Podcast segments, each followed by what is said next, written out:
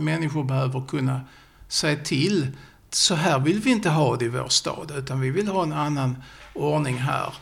Och jag ser ändå folkomröstningar som en sorts säkerhetsventil i den kommunala demokratin.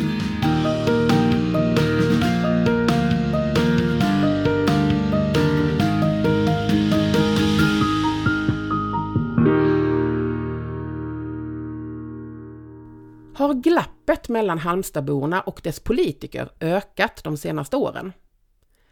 Det där är en fråga som jag, som heter Linda Thulin, har ställt mig sedan jag flyttade tillbaka till Halmstad efter att ha varit borta i ett knappt decennium. Jag jobbade mycket med politik och valbevakning när jag i 15 år jobbade på P4 Halland och jag minns inte riktigt att det var så mycket protester och missnöje med olika projekt och planer som jag tycker att det är nu. Och det var ett av flera skäl till att jag och min uppdragsgivare Halmstad kommun valde att ge det här temat av Halmstad växer rubriken Folkets röst. En av dem som jag har valt att intervjua var ett bekant namn från mina år som politikreporter på P4 Halland, nämligen statsvetaren Jörgen Johansson. På min tid så jobbade han på Högskolan i Halmstad och var ofta involverad i våra valbevakningar, inte minst valvakorna. Men numera jobbar han på Förvaltningshögskolan i Göteborg. Jörgen är också en av författarna bakom en nyutkommen bok som heter Trängd demokrati. Och så här kommenterar han min känsla att glappet mellan folket och politikerna i Halmstad har blivit större de senaste tio åren. Nej, men jag tror jag kan hålla med dig. Det har ju varit extremt många frågor som har varit eh, kontroversiella och som diskuterats under senare år. Och jag tror nog också att eh, om man tar tio år, det är ju, det är ju bra när man är borta ett tag. För då, när man sitter i någonting så ser man ju sällan förändringar på det sättet. Men och det kommer sådana långa tidsperspektiv så kan man ju lite grann se, och det tror jag stämmer, att det har skett en förändring av politiken under de här tio åren. Man kanske kan ta lite längre tidsperspektiv också på, på olika sätt. Alltså demokratin är, har, är, befinner sig i ett problem på många sätt skulle jag våga påstå. Va? Och man har tappat lite grann relationen med människor, den etablerade politiken och vanligt folk så att säga. Jag tror det finns ett ökande glapp däremellan. Sen finns det en massa andra saker här också som vi kanske kan komma till. Men, men vad kan man säga att det beror på? Att man eventuellt har tappat lite folklig förankring? Ja, de stora partierna som varit burit upp svensk kommunalpolitik, Moderaterna, Socialdemokraterna, Centerpartiet, har ju tappat som i medlemmar och i aktiviteter och så vidare. Man har helt enkelt förlorat lite grann av sina känselspröt ute i samhället. Man kan, brukar ju säga i forskning om Socialdemokraterna och Centerpartiet att det är gamla folkrörelsepartier som liksom byggde på aktiviteter på olika håll i de fackliga organisationerna eller kanske landsbygdens rörelser och så vidare. Men det där, tappar man medlemmar så förlorar man också lite grann fotfästet i det och då tappar man liksom kontakten med hur människor tänker och, och så vidare. Men är det självklart att man gör det? För jag tänker att eh, de politikerna vi har nu då, om vi dels utgår från de, de eh, som är heltidsanställda men även de som är förtroendevalda så att säga. De träffar väl ändå människor och de tar ju sina, all, sina uppdrag på väldigt stort allvar och är ute och försöker få en bild av vad folk vill. Det är ändå det folket de tjänar menar jag. Jo, de, de jobbar ju jättemycket de som är aktiva i politiken. De, de jobbar nästan för mycket. Alltså de, de har för många uppdrag och för, de klarar inte den rollen riktigt tror jag. Men jag menar på att det som, är, det som var unikt i Sverige, Eh, och utan att bli nostalgisk på något sätt, va, så var det folkrörelserna. Sverige var världens fattigaste land 1870. 1930 så är vi 40 och därefter är vi den kanske ledande välfärdsstaten av alla. Och om man lyssnar på historiker som har forskat på detta så är det folkrörelserna som gjorde det. Man organiserade sig i fackliga organisationer, i frikyrkor, i nykterhetsföreningar. Överhuvudtaget fanns det ett sådant aktivt föreningsliv. Och en del partier kom ju ur det där. Det där va? Bundeförbundet, socialdemokratin kom ur den fackliga rörelsen. Och det gjorde att de här partierna de hade duktiga människor som hade befunnit sig i den här liksom förenings folkrörelseverksamheten och hade också kontakt med människor. Jag skulle kunna skriva den historien om Halmstad tror jag faktiskt. Va? Ta Folkparken i Halmstad som ett sånt exempel. Där vi har ju, det har ju funnits lite diskussioner om nu man lägger ner Kulturhuset och detta. Men det byggde ju på att det var människor, en stor mängd människor som hade kul tillsammans. Man dansade, det var musik och det var teater och annat. Men, men samtidigt så fanns det här föreningarna som man träffade och pratades vid och som också politiken hade nytta av att förankra det. Alltihopa det där är bort, finns inte längre. Nu är det de sociala medierna som kanske bär upp en del av det. Men det är en stor skillnad på det där. Va? Och partierna tappar kraft, människor har ingen lust att vara med. Och det gör att man, man också förlorar sin, sina känselspröt ute här i, bland gräsrötter, bland människor. Man fångar inte upp det. Det tror jag är ett huvudproblem. Och det har accentuerats med, tror jag, sociala medier, digitaliseringen under de sista kanske 10, 5, senaste 10-15 åren. Ja, just det. Och jag tror inte alls på det att människor slutar tycka det inte är roligt att hålla på med föreningsliv. Men jag tror att man måste bara lyfta upp det och prata lite mer om det. För det är där vi möts och där ser vi varandra. Vi tittar varandra i ögonen, vi kanske ger ett handslag ibland och försöker stötta. Och, Eh, hjälpa till. Det var så man gjorde många gånger. Va? Man bildade egna bibliotek, man hade ett socialt engagemang många gånger. och så där. Många gånger var det misslyckat och fungerade inte särskilt bra, men det fanns liksom det här, ett engagemang. Demokratin har ett annat, en annan innebörd än, än marknaden och jag tror att vi har blandat ihop det där att vi behöver ha marknad för sina saker i vårt samhälle och entreprenörskap och att kunna tjäna pengar och alltihopa. Men sen har vi också frågor där vi ska ta hand om varandra i sjukvården eller vi ska lära någonting i skolan. Då är det inte så lämpligt att prata i termer att vi ska göra affärer. Man kan inte ha, kalla röntgenavdelningen på lasarettet för ett affärsområde. Det blir fel alltså. Varför då? Nej, därför att där kommer det sjuka människor med helt olika behov. Här behöver vi göra en professionell bedömning av olika saker. Det är liksom något annat än att göra chips eller att tillverka bilar. Det är liksom en skillnad på det. Och jag tror faktiskt att vi måste ta det på lite allvar. Och jag tror inte ens att liberaler, om man skulle prata liberal ideologi, tycker att det är särskilt vettigt. Alltså att ett företag som drivs affärsmässigt ska tjäna pengar ett aktiebolag till sina ägare. Det är själva syftet med det. Men det är inte själva syftet med ett lasarett att tjäna pengar eller en skola att tjäna pengar utan ett annat syfte och det är svårförenligt. Och det tror jag också innebär att man luckrar upp demokratin på olika sätt. Mm. Vi avdelar allting i olika typer av små enheter som vi ska räkna och som vi ska bygga upp hela det här upphandlandet, vi ska upphandla allting, det gör att vi får ett ekonomiskt tänkande kring frågor som inte bör vara där. Kvinnojourer och lokaler för kvinnojourer ska handlas upp på en marknad. När det i själva verket bygger på det vi pratade om innan, på någon sorts folkligt engagemang där, vi ska, där människor ska stötta varandra som människor.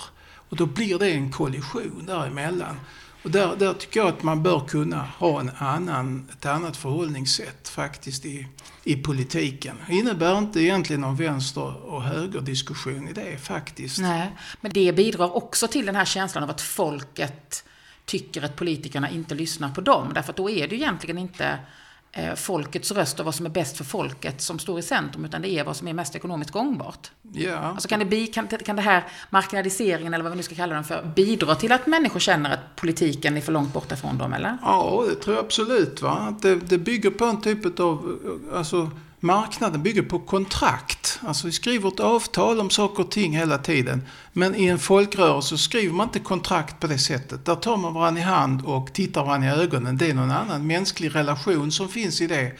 Som inte marknaden klarar, inte är avsedda att klara. Jag tror att vi i ett samhälle behöver ha både och. Vi behöver ha det här mänskliga, att kunna prata med varandra och se människan som ett, ett, har ett egenvärde på olika sätt. Sen behöver vi också naturligtvis det här att kunna ta initiativ och utveckla nya saker och driva företag och alltihopa. Det, det, jag tror det behöver balanseras. Mm. Du, vi ska ta lite mer konkret när det gäller planeringen i Halmstad. Så har ju vi liksom utgångspunkten för hela den här poddserien är ju Framtidsplan 2050 och översiktsplanen som nu har klubbats och sådär. Och det har ju varit en del diskussioner. Eh, och som ett led i det, även om inte det låg exakt i, i ÖPn, var ju eh, hotellbygget och så. Jag får ju erkänna att när Halmstad kommun ska ha historiens allra första folkomröstning så ska vi ha den om ett hotell. Mm. Vad tänker du om det? Du hör på mig att jag är lite förvånad över det, men vad tycker du? Du andas ju en lite ledande fråga Jag vet precis, men jag var ändå tvungen att vara lite transparent kände jag, för att eh, jag har varit ja, ja. innan. Nej, det kan ju synas lite eh, smålöjligt. Man borde kanske ändå kunna hantera den frågan på ett annat sätt. Men där har det ju nog brustit någonstans i, återigen, det här samtalet med gräsrötter, med människor. Tror jag. Eh, men det finns också ett starkt tryck i kommunalpolitiken att exploatera verksamheter. Och eh, fastighetsägandet och markfrågorna är ju väldigt viktiga affärsområden. Vi är tillbaka i det igen. Där kanske jag ibland, även om jag är tveksam till folkomröstning i det här fallet, så kan jag se ett behov av att människor behöver kunna säga till så här vill vi inte ha det i vår stad, utan vi vill ha en annan ordning här. Och jag ser ändå folkomröstningar som en sorts säkerhetsventil i den kommunala demokratin. Sen har, ju, har vi dåliga erfarenheter av kommunala folkomröstningar, brukar jag säga. Ja, hur då? Ja, dels, dels är det ju lågt valdeltagande många gånger. Hur ska man då tolka det valresultatet? Ja, partierna fortsatt att tvista om det och skapat väldiga motsättningar. Och jag, jag pratar ju skånska så jag har mina rötter i Sjöbo. Där hade man också en folkomröstning om flyktingmottagandet på 80-talet. Men det skapade väldiga motsättningar mellan människor. Det förstörde Sjöbo kommun och området där under många år efter det. Nej, för det är det jag tänker. För du, som sagt, du menar ändå att det är ett sätt för det blir, det blir en signal till politikerna att nu händer det någonting här som folket inte riktigt är med på. Ja. Men så är det som du säger med den andra sidan, som jag också upplever jättemycket, att folk är så arga. Mm. Så det blir så, liksom, det blir så högt tonläge och man mm. bråkar med varandra om, om saker som liksom känns att men det här kan ju inte vara bra för stan. Det här delar ju stan. Mm. Mm. Men jag tolkar ändå dig som att även om de här aspekterna finns så tycker du ändå att det är ändå bra att det görs. Jag, jag tycker nog det. Va? Mm. Att, att det är en... Um det är en, som sagt en demokratisk säkerhetsventil. Mer att det finns möjligheten att använda folkomröstningar kan ha en effekt på att, att politiken lite mer lägger örat mot marken och försöker vara lite mer kanske engagerad i det hela. Hur mycket av det där handlar om vilka som skriker högst eller skriker mm. bäst? Mm. Och alltså hur, hur demokratiskt blir det där egentligen? Nej. Och det är den viktiga invändningen mot allt sånt där deltagardemokrati som vi pratar om ibland, folkomröstningar, men även andra former av deltagande som man stimulerar. Det är ju människor som har god utbildning och har tid och möjligheter att vara med. Som på, och då får man ju en extra liksom, röst, eller då betyder det lite mer än kanske de människor som ändå är majoritet, som inte riktigt har den tiden och de insikterna och förmågan kanske att vara med. Så det kan bli lite sådana orättvisor i vem som kan delta. Och det, det, skulle ju då i så fall ytterligare stärka min idé om det här med folkrörelsernas betydelse. Att vi har starka föreningar som man är med i och kan väga upp det där. För det finns väldigt stora orättvisor i eh, vårt samhälle just när det gäller vem som har makt och inflytande och så. Hur menar du då? Ja, men att, att det, är, det är mycket liksom, just precis det vi säger här. Alltså att, att uh, hur skriver jag en uh, insändare? Eller hur uh, svarar jag på ett planförslag? Hur engagerar jag mig i en sån här grupp för att fixa någonting? Många människor har, lever under sådana omständigheter att man inte kan riktigt göra det, ta till sig det engagemanget. Man kanske inte heller den utbildningen, man har inte liksom det självförtroendet och prata med makthavare och vara aktiv på det sättet, skulle jag påstå. Nej, och det är ju väldigt rimligt. Samtidigt som man kan vända på det och säga att alla har ju ändå rent eh, formellt och teoretiskt samma möjligheter. Och då kanske man också på något sätt ska belöna de som väljer att engagera sig och sätta sig in i det här och så. De ska inte behöva straffas för att vissa inte vill, eller? Nej, nej det tycker jag man kan inte säga så heller. Men, det, men bör, man bör vara medveten om det att det där med att delta Att gå och rösta har vi rätt gott valdeltagande, uppåt 90 procent nästan. Va? Men när det gäller sånt här deltagande, att ja, engagera sig för Eketångaskogen eller vara med i en arbetsgrupp för att stoppa ett hotell. Det är inte alla som riktigt har den tiden och möjligheten på något sätt att vara med där. Nej. Och det är ju politikens uppgift att väga lite sånt, trots allt. Kommunpolitiken. Den svåraste uppgiften kommunpolitiken har, därför ska man ha viss respekt för kommunpolitiker. Det är ju det att här är hela tiden i en kommun hundratals röster som vill ha olika saker. Det är bowlinghall och det är ridis och det är liksom bättre äldreomsorg och det ena och det andra. Alla saker är jättebra många gånger, behjärtansvärda och viktiga. Men man kan liksom inte satsa på allt alla gånger. Då får man sitta där och vara lite maktmänniska och försöka säga, väga vad är viktigast. För vi, vi kan inte riktigt tillgodose allt, även om det finns en goda anledningar till det, tror jag. Och det, och det är en tråkig uppgift, för där, där hamnar ju kommunpolitiken alltid i skottgluggen. Man får alltid liksom indignerade insändare eller människor som är arga därför att man inte har fått kanske så mycket som man önskade och så vidare. Det här tycker jag är jätteintressant och jag har upplevt eh, under ganska många år i min karriär, eh, både när jag jobbade på riksplanet och lokalt, en frustration som blev ännu tydligare när jag började göra den här podden. Nämligen den här skillnaden mellan vad man inom kommunen kan, vet och förstår och vad man utanför som vanlig medborgare kan, vet och förstår om hur en kommun funkar. För det är ju mm. verkligen inga enkla mm. grejer. Och jag tänker liksom, eh, lite konstruktivt sådär. Hur skulle man kunna göra för att någonstans eh, balansera den, eller minska den klyftan mellan de här två? De som liksom fattar hur det funkar och de som inte gör det, men som ändå ska få vara med ju. Ja, dels, men jag tror återigen att det handlar om samtalets konst. Att kunna prata mycket. Jag tror inte att folk är, är, är korkade, att man inte förstår att här måste man göra avvägningar, men man måste prata om det. Man kan liksom inte bara förutsätta. Oftast fattas det ju beslut i ganska slutna sällskap trots allt. Och det är svårt. Och, så man måste ha ett samtal. Jag tror återigen på de här eh, partiernas roll här är lite grann att bära upp det, men här klarar inte partierna den rollen. Och det är som William Axel är inne på då, att här finns inte tillräckligt med aktiva och eh, lite kraft i partierna. Kan någon annan ta den rollen då? Kan någon annan göra det? Ja, jag menar att det här bör vi, vad det är inne på, jag tror att vi måste ändå tänka lite i föreningsliv mm. och, och sådär. Och sen tror jag en annan sak här som vi måste prata mycket mer om. Det, det är folkbildningens betydelse. Både studieförbund och folkhögskolorna, de har den här demokratisynen med samtal, med föreningar och alltihopa. Men den demokratisynen kommer inte riktigt fram.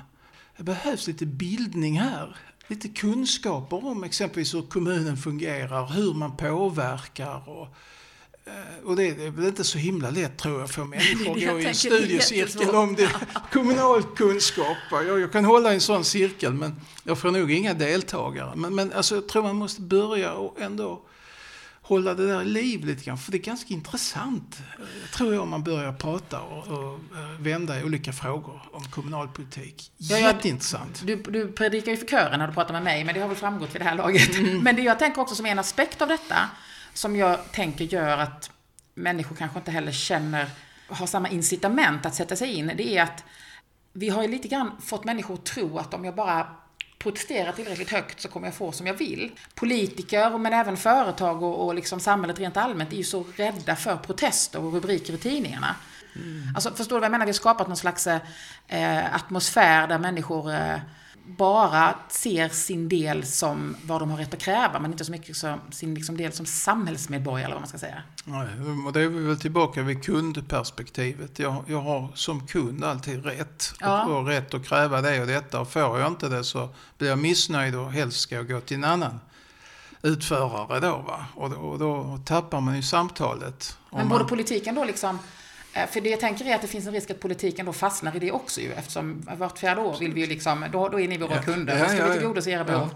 Ja. Eh, men ingen talar om för er, hörni, det här är helt orimliga krav. Inte. Du kan inte förvänta dig detta. Det här och det här är vad vi har för förutsättningar. Det spelar ingen roll om du lovar mig din röst, för jag kan inte ge dig det ändå. Alltså, ibland kan jag efterlysa det. Ja, ja. Är det. Är det en realistisk dröm och är det ett rimligt råd till politikerna eller är det... Ja, det, det tror jag absolut. Va? Tala lite Ja, jag brukar säga att folk fattar mycket väl vad politikerna pratar om och var lite tydliga med det. Försök eh, diskutera och prata om det på det sättet att här har vi ju ändå eh, begränsade resurser, vi har inte de möjligheterna. Man måste ta den diskussionen. Sen har ju såklart människor också ett ansvar och det pratar vi kanske för lite om att det görs ju planförslag som ställs ut på biblioteket. Och det är klart att det är väl inte så många som sticker in på biblioteket, kanske tittar på de där skisserna och sådär. Men det, det kanske man skulle kunna jobba ytterligare med. Men Sen så när det börjar grävas då inser folk att oj, vad ska det byggas någonting här? Det har jag inte hört. Så, men, jo, sa kommunen, vi har ju haft jättemånga planer. Men det måste väl ändå finnas en viss typ av engagemang, ett visst typ av ansvar för att det här ska fungera hos, hos människor. Att, att lite grann ta del av det. Sen är det väl klart politiken och kommunen som också måste vara, bli kanske bättre på jag vet att man gör jättemycket här som blir oerhört sura de hör mig nu, men man skulle kunna göra ännu mer tror jag för att förankra nya frågor. Ja, och jag tänker också så här som vi kommer från den världen jag gör, har jag ändå jobbat på public service i 25 år, eh, där, där jag också kan tycka att mediebranschen generellt också går i den där fällan av att liksom enskilda människors röst är så viktig. Så att när de har någonting att protestera mot, mm. så plockar vi upp det. Men vi ifrågasätter sällan dem om det är rimligt att de protesterar. Mm. Så att vi, vi pratar ju om mig och min bransch. Hur ser du på liksom medias roll i att också skapa den här eh, atmosfären? Jo, det tror jag medierna bidrar till. Mm. Eh, här borde kanske medierna ha en annan, lite annan roll att bredda diskussionen och försöka komma lite bort från det dagspolitiska utspelandet och prata om andra realiteter det berör inte människor riktigt alltså. Det blir ett sorts eh, spel mellan de ledande partierna här där det gäller att visa vem som kan göra det mest slagkraftiga sättet att yttra sig. Och det, jag är ju jättekritisk mot detta. Och det skapar också en bild som gör att människor fjärmas lite från politiken. Det bidrar till att människor inte tycker att politiken och samhällsfrågorna har med dem att göra. Precis, ja, precis, ja. precis. Men då är också nästa sida att Eh, idag med, med, digitala medier och med möjligheten att mäta mycket mer vad publiken konsumerar och med liksom den ja. marknadssituationen som finns i branschen så är det också så att ja, men, tidningarna och medierna gör ju den typen av bevakning som människorna visar att de vill se och läsa och höra. Mm. Så vi får ju skylla oss själva för vi får ju det vi, alltså, vi får ju ändå det vi konsumerar. Kanske, men, men medierna kan nog styra det lite grann vad det är man vill. Inte om de vill överdriva ekonomiskt, tänker jag. Nej, kanske. Du låter ju, eller ja det gör vi båda två, lite bekymrade över saker och så. Men samtidigt så är ju vi en av världens starkaste demokratier. Mm. Så, så vad finns det egentligen att oroa sig för? Ja, nej, det kan man ju säga. allting i jämförelsens sken blir ju lite så. Vi har det väldigt bra i Sverige på många sätt. Men det är ingenting som hindrar historien. Det finns exempel på hur det kan ganska snabbt utför med saker och ting. Så vi ska inte ta något för givet brukade Bengt Göransson, den gamle kulturministern, demokratiutredaren, säga att vi måste hela tiden erövra och erövra och stå upp för demokratins principer på, på olika områden. Jörgen Johansson, Halmstadbo och statsvetare vid Förvaltningshögskolan i Göteborg. En av fyra personer som ger sitt perspektiv på kopplingen mellan politiska beslut och den folkliga viljan. De andra som intervjuas är insändarredaktören på Hallandsposten Dalila Doray, klimataktivisten Ingrid Bergelin och det avgående kommunrådet Jenny Axelsson. Halmstad växer produceras på uppdrag av Halmstad kommun. Redaktörer är Karin Back och Lotta Edin och jag som gör programmen är frilansjournalist och heter Linda Thulin. Hej då!